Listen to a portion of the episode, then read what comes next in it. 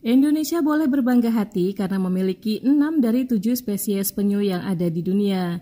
Namun, kebanggaan itu kemungkinan akan sirna karena semua spesies itu dalam keadaan terancam atau hampir terancam punah. Apalagi berbagai usaha untuk mencegah eksploitasi penyu masih menghadapi berbagai hambatan. Tim VOA melaporkan. Berbagai studi yang dilakukan organisasi-organisasi pencinta lingkungan mengisyaratkan penurunan yang signifikan populasi penyu di perairan Indonesia. Studi-studi itu mengamati kebiasaan penyu bersarang dan bertelur di pantai-pantai. Hasilnya, populasi penyu dari tahun ke tahun cenderung menyusut. Muhammad Jayuli, Sekretaris Yayasan Penyu Indonesia atau YPI mengatakan, untuk mengetahui secara pasti seberapa besar populasi penyu di Indonesia terbilang sulit mengingat luasnya perairan Indonesia dan penyu tergolong hewan yang sering bermigrasi. Beberapa data menyampaikan misalkan untuk penyu sisik itu dalam 100 tahun terakhir populasinya menurun hingga 90 eh, persen sehingga beberapa ahli menyampaikan masih tinggal seribu uh, ribuan maksudnya ekor penyu betina dewasa yang produktif.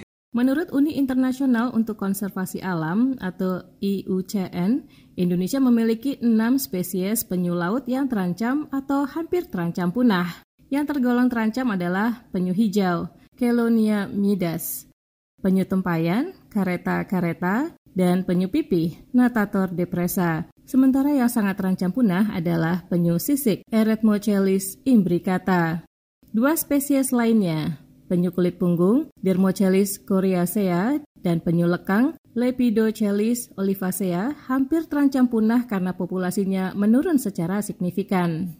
Di Indonesia, penyu-penyu itu bersarang terutama di pantai Sangalaki di Kepulauan Derawan, Kalimantan Timur, Pantai Paloh di Kalimantan Barat, Pantai Pangumbahan di Jawa Barat, Pantai Blambangan di Jawa Timur, dan Pantai Jen Womom, Papua Barat.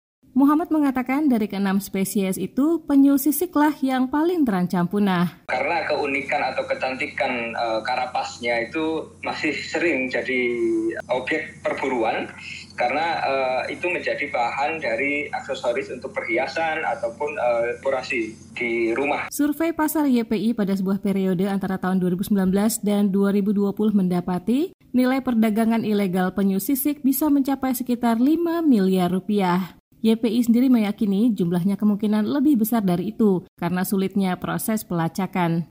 Apalagi, kata Muhammad, tren transaksi berbagai produk yang memanfaatkan kerapas penyu sisik kini beralih ke sistem online. Menurut Rosek Nur Sahid, ketua sekaligus pendiri Pro Fauna Indonesia, penyu-penyu Indonesia, terutama penyu hijau, diburu karena dagingnya. Masih ada, walaupun sudah ilegal, terbukti hampir tiap tahun polisi menggagalkan upaya penyelundupan penyu hijau itu kan yang terdeteksi, yang berhasil digagalkan. Kami yakin yang lolos kemungkinan besar masih masih uh, banyak. Rosek mengatakan Indonesia merupakan pusat perdagangan penyu laut internasional. Banyak pedagang ilegal penyu Indonesia memenuhi permintaan dari negara-negara seperti Malaysia, Vietnam, dan Tiongkok. Padahal menurut Rosek, siapa pun yang terbukti terlibat dalam perdagangan penyu dapat dipenjarakan hingga lima tahun berdasarkan undang-undang yang berlaku di Indonesia. Konsumsi daging penyu di Indonesia juga cukup tinggi. Rosek mengungkapkan, Bali tercatat sebagai provinsi yang paling banyak memanfaatkan daging penyu hijau. Daging penyu sering disajikan sebagai makanan tradisional dan dihadirkan dalam upacara-upacara adat dan keagamaan. Rosek mengatakan organisasi yang dipimpinnya bekerja sama dengan YPI mengelola beberapa pantai yang menjadi habitat atau tempat peneluran penyu untuk mempertahankan kelestariannya. Hasilnya sejauh ini cukup mengembirakan. Belambangan itu bisa ada 3.000 sampai 4.000 penyu yang mendarat, yang bertelur. Itu angka yang tinggi. Ya. Jadi kita mencoba menjaga beberapa spot yang menjadi habitat penyu. Lebih jauh Rosek menjelaskan, menyusutnya populasi penyu di Indonesia tidak hanya karena eksploitasi yang berlebihan, tapi juga karena berkurangnya habitat.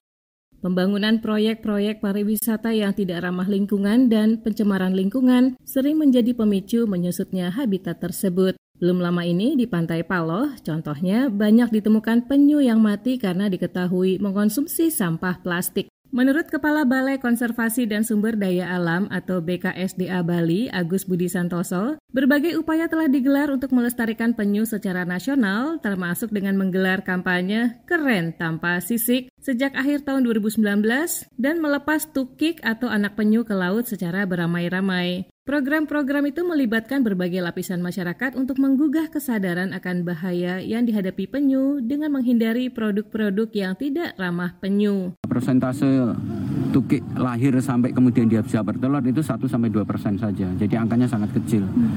Bahkan ada beberapa literatur mengatakan dari 1000 ekor hanya hanya maksimal 5 ekor yang bisa bertelur. Jadi kita ini semakin banyak melepas akan tentu semakin baik.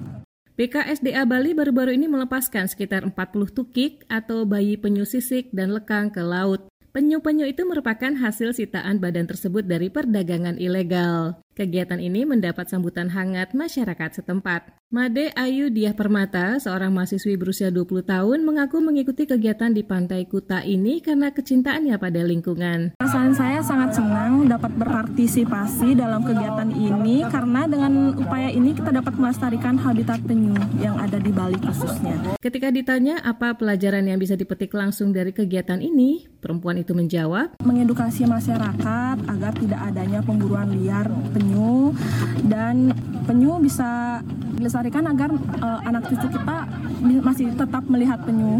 Sejumlah turis asing menyempatkan diri menonton dan memfilmkan acara pelepasan tukik itu dengan ponsel-ponsel mereka. Mereka bersorak-sorai menyemangati tukik-tukik itu yang terlihat berenang dengan susah payah menuju ke laut lepas. Sekian laporan tim VOA Arif Budiman, Lea Johannes.